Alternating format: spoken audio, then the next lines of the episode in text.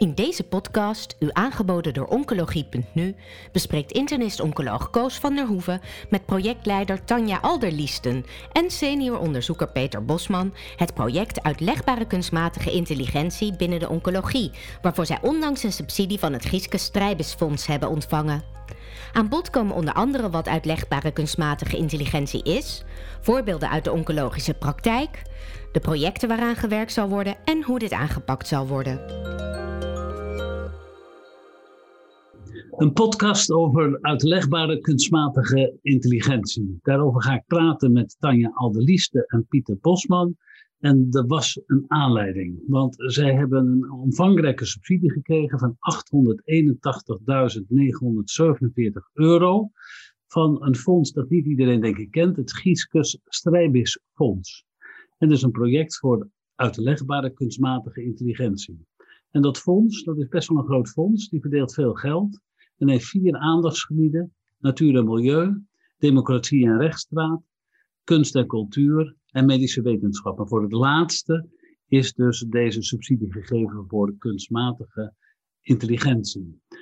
Uh, Tanja en uh, Peter, hartelijk welkom. Zouden jullie je heel kort kunnen voorstellen? Tanja, je mag beginnen.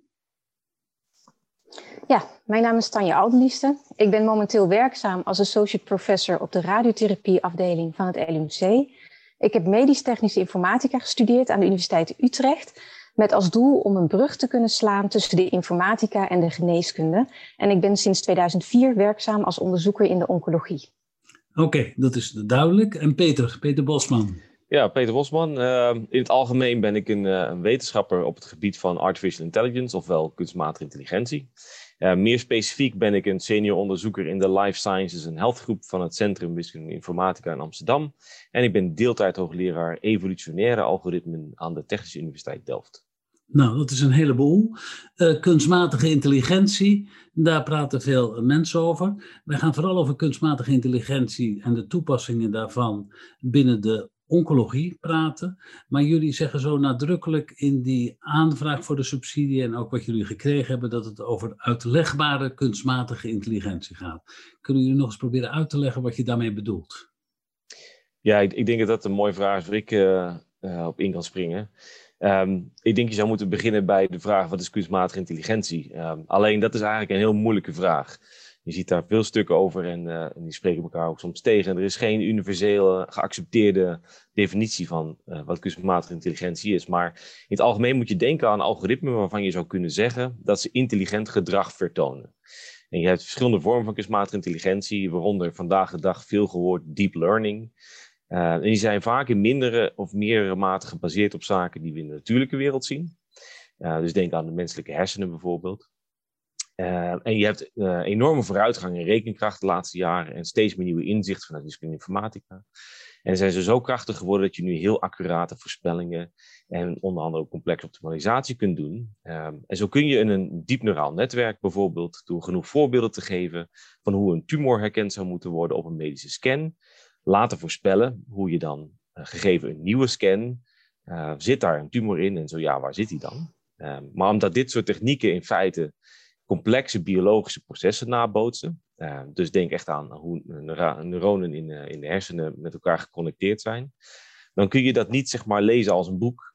En dat betekent dat, ook al werkt het misschien heel goed, dan kunnen we niet eigenlijk goed zien in één oogopslag wat er nu geleerd is. Of hoe die voorspelling voor een nieuwe scan nou precies tot stand is gekomen.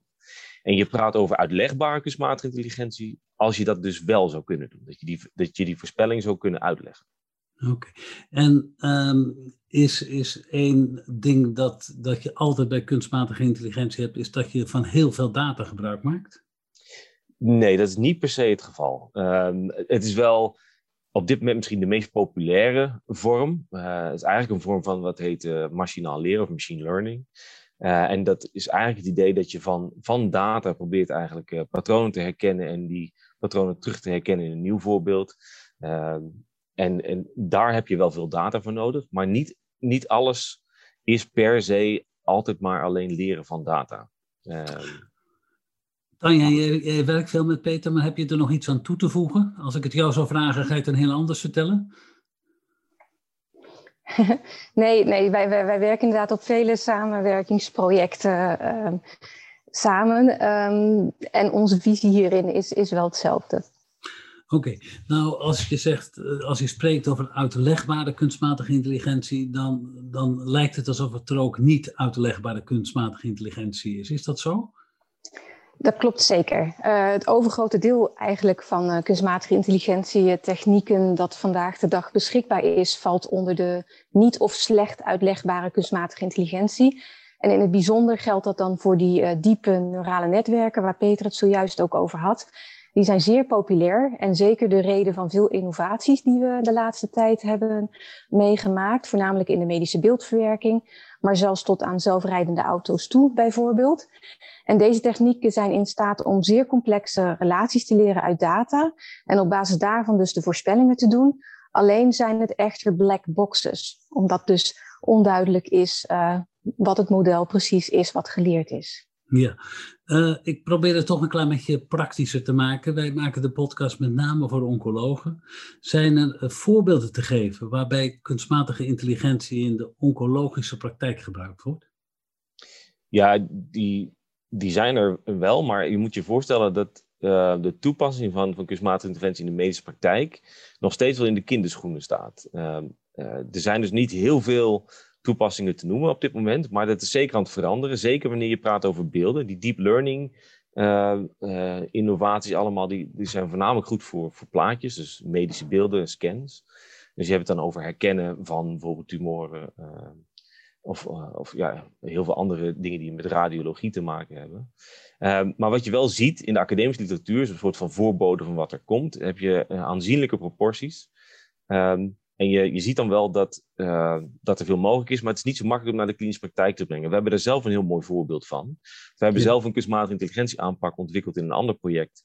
Uh, voor uh, het automatisch optimaliseren van behandelplannen voor prostaatkanker met brachytherapie, inwendige bestraling. Ja. Um, en die methode die gebruikt dus kunstmatige intelligentietechnieken om automatisch zo'n plan voor te stellen. En dat is heel goed gelukt, maar om dat vervolgens in de praktijk te brengen, om echt te kunnen gebruiken om artsen te ondersteunen, daar komt heel veel nog bij kijken. Je moet uh, echt extra stappen zetten aan softwareontwikkeling. En zorg dat je aan de, de regelgeving voldoet en dat gebruiksvriendelijk genoeg is voor de artsen. En dat heeft, heeft veel extra stappen nodig. En, en uh, onderzoekers, zoals wij zelf, dat is niet per se onze hoofdtaak. Dus het is altijd even zoeken van hoe kunnen we dat doen? Wat is er allemaal extra voor nodig? Dus je hebt er eigenlijk op grotere schaal veel bedrijven bij nodig die dit oppakken. En dat heeft, dat heeft altijd extra tijd nodig. Je ziet het langzaam komen, ook in de radiotherapie waar wij veel werken. Steeds meer bedrijven die vooral wanneer het gaat over uh, op beelden dingen herkennen, automatisch intekenen, beginnen die dingen langzaam te komen.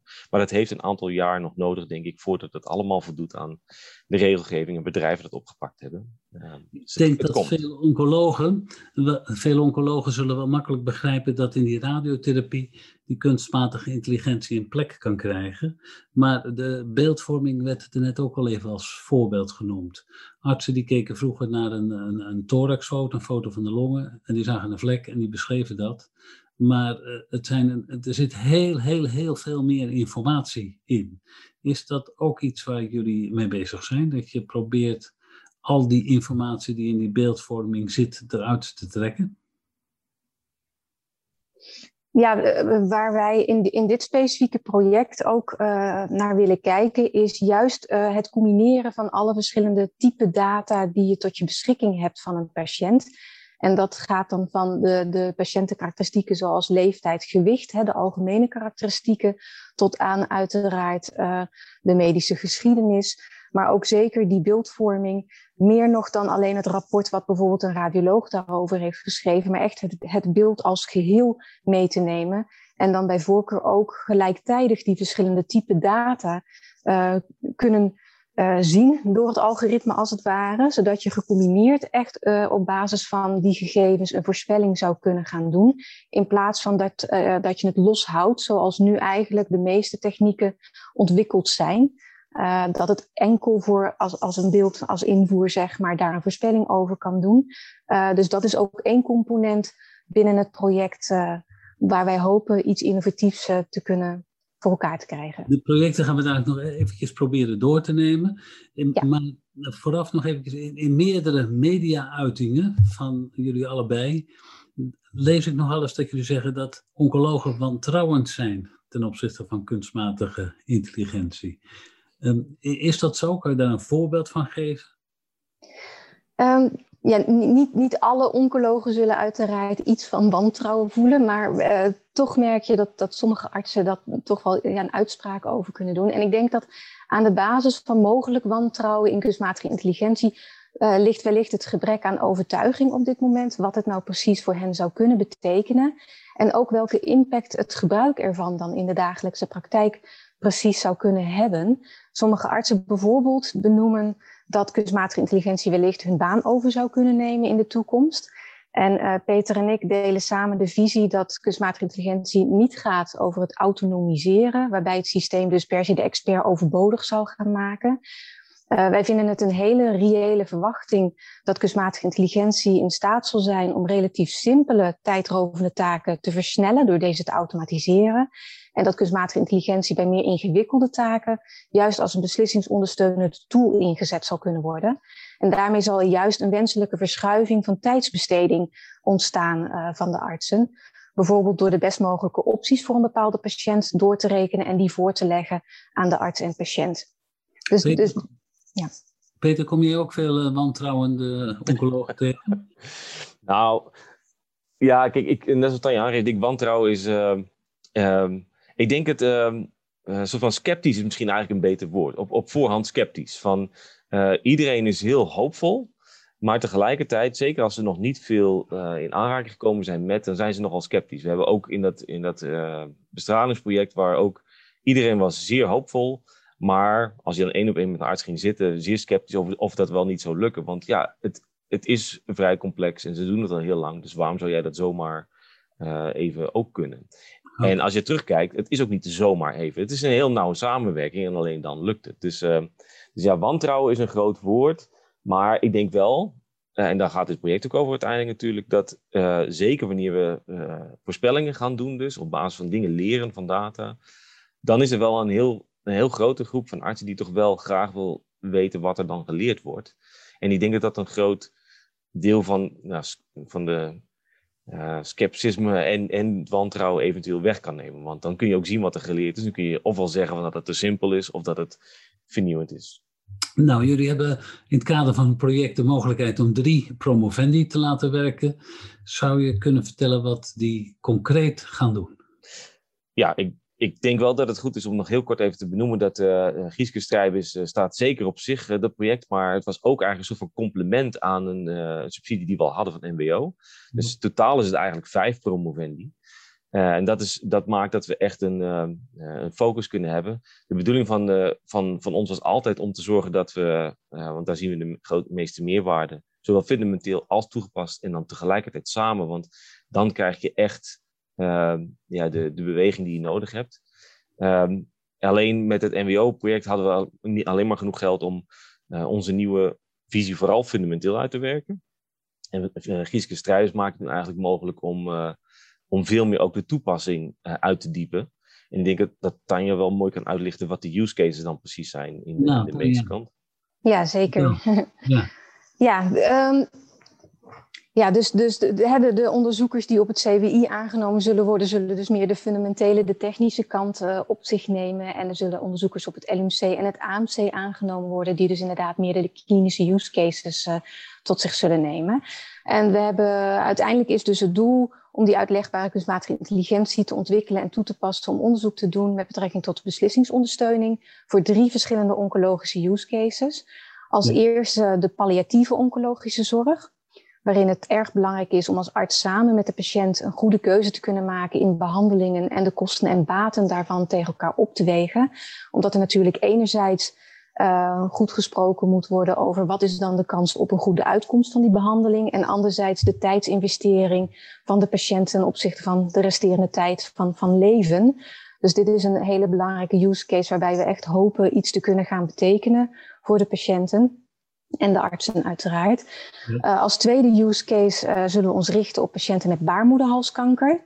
Uh, baarmoederhalskanker vereist een, een, hele intensieve behandeling, dat bij veel vrouwen toch blijvende schade kan geven. denk aan seksuele darm- en plasklachten en vermoeidheid. En die klachten die leiden dikwijls toch tot psychosociale problemen en een verminderde kwaliteit van leven. En op dit moment is die benadering, de behandeling, vrij reactief. We behandelen als er problemen ontstaan, omdat we op dit moment gewoon nog niet goed kunnen voorspellen wie er klachten zal gaan krijgen hè, naar aanleiding van de behandeling. En met een uitlegbaar model krijgen we hopelijk een nieuwe kijk op welke manier en in welke mate verschillende factoren invloed hebben op het succes van de behandeling en het voorkomen van bijwerkingen. Ja. Vervolgens hebben we nog een derde use case. Uh, en die uh, is specifiek ook uh, erbij getrokken ten behoeve van het ontwikkelen van een algemene basisimplementatie van de software voor, voor de uitlegbare kunstmatige intelligentie. Um, we zullen hiertoe kijken naar zeldzaam langzaam groeiende tumoren in het hoofd-halsgebied, zogenaamde paragangliomen. En onder die algemene basisimplementatie verstaan we als het ware de algemene deler van de techniek ongeacht de toepassing. Dus het doel is dat deze implementatie straks voor elke willekeurige toepassing ingezet zal kunnen worden. En we zullen dat af gaan leiden op basis van de eerste twee use cases en dan testen uh, of we de algemene delen hebben weten te identificeren voor de derde use case. Ga ik nog even naar de eerste twee use cases. Je wil dus eigenlijk op basis van een heleboel dingen die je van de patiënt weet, gecombineerd met een heleboel dingen die je uit de literatuur en van andere patiënten weet, een, een advies geven of een voorspelling geven. Is dat, is dat juist? Zeg ik dat goed? Voorspelling ja. geven? Ja, dat klopt. Ja. Op, op basis van. Uh, ja. Als jullie nou die data van de patiënten willen hebben, hoe, hoe kom je aan die data? Want je kent ook de EPD's, daar, daar, tegenwoordig typen de dokters, en vroeger schreven ze, maar dat zijn geen discrete eenheden die je eruit haalt. Die lenen zich niet zo heel goed voor een model. Klopt dat? Ja. Het gewicht en de bloeddruk nog wel, maar alle andere parameters niet. Ja, dat klopt. En ik, um, er zijn er wel steeds meer die al gedigitaliseerd zijn natuurlijk. Uh, en, uh, en, uh, en die kunnen we allemaal gebruiken. waar wij niet een hele grote nadruk op hebben, maar wel veel gebruik van kunnen maken, zijn zogenaamde NLP-modellen, de Natural Language Processing modellen, die, waarmee je literatuur automatisch kunt minen om te kijken of je daar dingen in kunt vinden. En dan zou je ook verslagen van, van artsen en radiologen in zijn algemeenheid misschien ook kunnen interpreteren. Dat dat levert dan vervolgens data op die aangevuld kan worden aan onze modellen. Dus wij hebben daar niet de, de focus op. Uh, dan zou je nog meer mensen nodig moeten hebben. Maar we, uh, we kennen de technieken wel. We werken met verschillende mensen ook samen die daar uh, experts in zijn. En daar, daar kun je het mee aanvullen. Eh, maar op dit moment hebben we wel al vrij veel data waarop we kunnen bewijzen dat onze technologie werkt. En dan is de vraag natuurlijk in, in ja, in een nog bredere praktijk krijg je steeds meer, oké, als deze techniek allerlei verschillende soorten data aan kan, hoe kunnen we die data dan steeds verder verrijken om tot steeds accuratere en betere voorspellingen te komen? Ik kom er toch nog even terug. Uh, terug. De, de, de palliatieve zorg. Um, het gaat om patiënten. Je wil informatie uit de dossiers halen gaan jullie nu proberen om de artsen die daarbij betrokken zijn te leren om meer in discrete velden uh, gewoon concrete dingen in te vullen? Of ga je proberen om die teksten te lezen en dan maar te kijken daar, of je daar iets uit kan halen? Ja, de, de, studies die zullen als het ware in een retrospectieve setting uitgevoerd worden. Dus we zullen gebruik maken van bestaande databases in, ja, met betrekking tot de use cases voor de palliatieve zorg zullen met professor Yvette van der Linden samenwerken. En zij uh, heeft toegang tot, tot heel veel databases met hele waardevolle data die wij gewoon kunnen gaan gebruiken. Met betrekking tot de tweede use case, de baarmoederhalskankerpatiënten, werken we met onder andere Henrike Westerveld van, uh, van het AMC samen. En zij zijn um, al een aantal jaren bezig met het opbouwen van een unieke database waarin de, de ongewenste effecten van deze patiënten nauwkeurig geregistreerd worden. Dus voor, voor dit onderzoek hebben wij, uh, kan je zeggen, het geluk dat er mooie databases uh, ter beschikking uh, gesteld zullen worden. Ik, nou, had je als derde onderzoek noemde je een onderzoek met paragangliomen. En dat zou model moeten staan voor, voor andere dingen. Maar dat is een heel zeldzaam voorkomende ziekte. Hoe, hoe kom je aan die patiënten? Uh, in het LUMC is er een expertisecentrum voor paragangliomen. Um, en er wordt ook nauw samengewerkt met bijvoorbeeld uh, Erasmus MC en het Radboud UMC. En um, wij hebben de hoop dat uh, in die samenwerking er wel voldoende data zal zijn, waardoor we in ieder geval kunnen gaan onderzoeken hoe de, de algemene delen van de uitlegbare kunstmatige intelligentie die we in dit project zullen um, ontwikkelen toepasbaar is op een nieuwe use case. Of, of hebben paragangliomen nog iets in zich wat jullie speciale belangstelling trekt? Uh, zeker. Uh, uh, het, het, is, het, is, het zijn drie use cases in de oncologie, maar op zich ook weer verschillende use cases met hun eigen ehm, ja, interessante vraagstukken, zo gezegd. Waarbij voor de paragangliomen uiteraard uh, de grootste uitdaging is toch wel om te kunnen gaan voorspellen op welk, maar of een patiënt in de toekomst uh, hè, ooit een behandeling nodig zal hebben en wanneer dat dan ongeveer zal zijn. Daarbij zal uiteraard een voorspelling van de groei van de tumor een hele belangrijke factor gaan zijn. Omdat dit echt wel een vraagstuk is waar de artsen op dit moment ja, toch wel veel moeite mee hebben, waardoor er toch een intensieve follow-up procedure voor de patiënten gebruikt wordt, waardoor er weer toch wel veel stressvolle momenten voor de patiënt zijn, omdat je iedere keer terugkomt en weer allerlei onderzoeken ondergaat. Dus we hopen ook dat als we het in die use case in kunnen gaan zetten, uh, dat dat van grote meerwaarde zal zijn voor de klinische praktijk daar. Oké, Peter, jij wilde nog iets toevoegen hieraan? Ja, nou, ik, ik denk wel, de, uh, er zijn inderdaad minder uh, data records, misschien specifiek voor paragangliom, maar je moet je ook voorstellen dat, um, uh, en dat is misschien een wat meer technisch verhaal, maar je kunt ook data gebruiken van gevallen die daarop lijken. net als een arts op een gegeven moment leert om in zijn algemeenheid een MRI of een CT-scan ehm, te analyseren, is het niet zo dat je voor elke nieuwe use case 10.000 scans nodig hebt, speciaal voor die use case om iets te kunnen leren. Dus je kunt ook uh, data hergebruiken, zeg maar, om een soort van, van voortraining om in te leren, bepaalde dingen in te leren en die dan te hergebruiken, zodat je niet per se, uh, ja, dus voor elke use case opnieuw uh, eh, 10.000 of 100.000 records nodig hebt. Dus dat je met een paar honderd ook al af kan eigenlijk en echt al dingen kunt leren.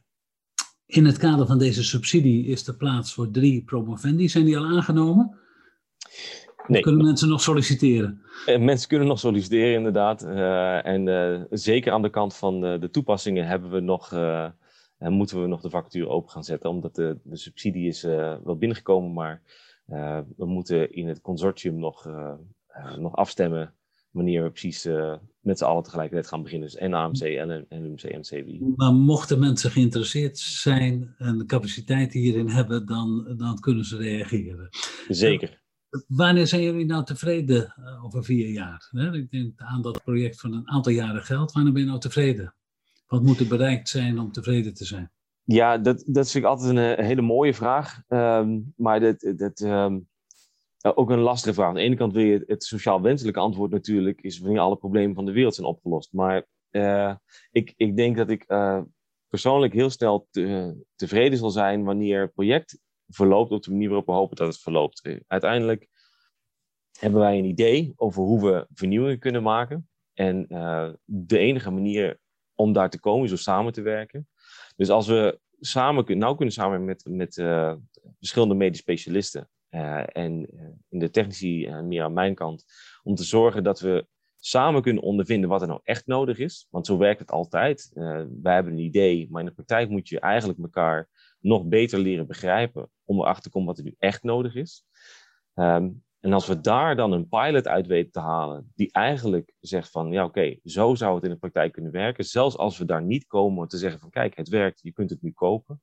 Dan zou ik al heel tevreden zijn. Want dat is uh, het allermoeilijkste. Je kunt nog zoveel uh, dingen laten zien dat, kijk, dit zou kunnen werken. Maar wanneer je het niet samen doet en een arts zegt, ja, hier heb ik iets aan, dan, uh, dan heb je alsnog eigenlijk niets voor elkaar gekregen. Dus als we dat bewijs kunnen leveren dat het werkt en dat een arts zegt, ja, hier zou ik iets aan hebben, ook al is het dan misschien nog niet af, dan zou ik tevreden zijn. En Tanja, hoe staat dat voor jou? Ja, ver, vergelijkbaar. Ehm, je, precies wat Peter aangeeft. Je, hebt een, een, een plan voor het onderzoek, maar onderzoek blijft onderzoek. En dat betekent ook dat je niet van tevoren kan voorspellen hoe het precies zal gaan verlopen. Ehm, maar als we ja, conceptueel ehm, in, de, in, de mooie multidisciplinaire samenwerking uh, met ook de, de eindgebruikers, de artsen, um, tot iets moois kunnen komen. Dat we conceptueel het, begrip uitlegbare kunstmatige intelligentie vorm hebben kunnen geven. En inderdaad uh, toch een uh, bewijs hebben kunnen leveren dat, dat die ideeën hout snijden in de oncologie. Um, en daar stappen in hebben kunnen zetten in de richting zoals we in het, in projectaanvraag hebben, hebben uitgelijnd, dan, dan zijn wij zeker tevreden aan het eind. Nou, jullie hebben in ieder geval uitgelegd dat uh, het niet een black box is en dat het een doel heeft om uiteindelijk uh, aan het bureau van de dokter en de patiënt te helpen bij het nemen van beslissingen. hebben jullie nog een laatste woord voor de oncologen die nog wantrouwend zijn? Uh, jazeker. Uh, we leven in, in een bijzondere tijd op dit moment waarin kunstmatige intelligentie tezamen met de digitalisering van onze maatschappij nieuwe kansen biedt, ook voor de verbetering van de oncologische zorg. En wij zijn ervan overtuigd dat middels innovatief onderzoek deze kansen verzilverd kunnen worden. En daar zetten wij ons graag voor in. En wij hopen ook dat uh, door meer interactie tussen verschillende disciplines, dus vanuit de technische kant en de medische kant en mensen die in een brugfunctie zitten, uh, ja, dat er meer kennis gedeeld wordt, gebundeld wordt en expertise en dat we zo de belangrijke stappen kunnen gaan zetten om daadwerkelijk ook straks uh, kunstmatige intelligentie uh, mooi in de klinische praktijk te kunnen gaan gebruiken. En Peter? Ik zou zeggen, wees niet bang voor ons, maar help ons om samen een betere toekomst te maken. dus werk samen met ons en zorg ervoor dat het goed komt. Nou, ik denk dat dit een, mooie afsluiting is. We, we hebben uh, interessant gesproken over, over multidisciplinaire samenwerking, kunstmatige intelligentie, met als doel om uiteindelijk een beter beleid en een betere toekomst voor de patiënten te krijgen. Dank jullie wel voor de, dit interview. Graag gedaan. Graag gedaan. Bent u geïnteresseerd in meer podcasts? Deze zijn te vinden op de website oncologie.nu.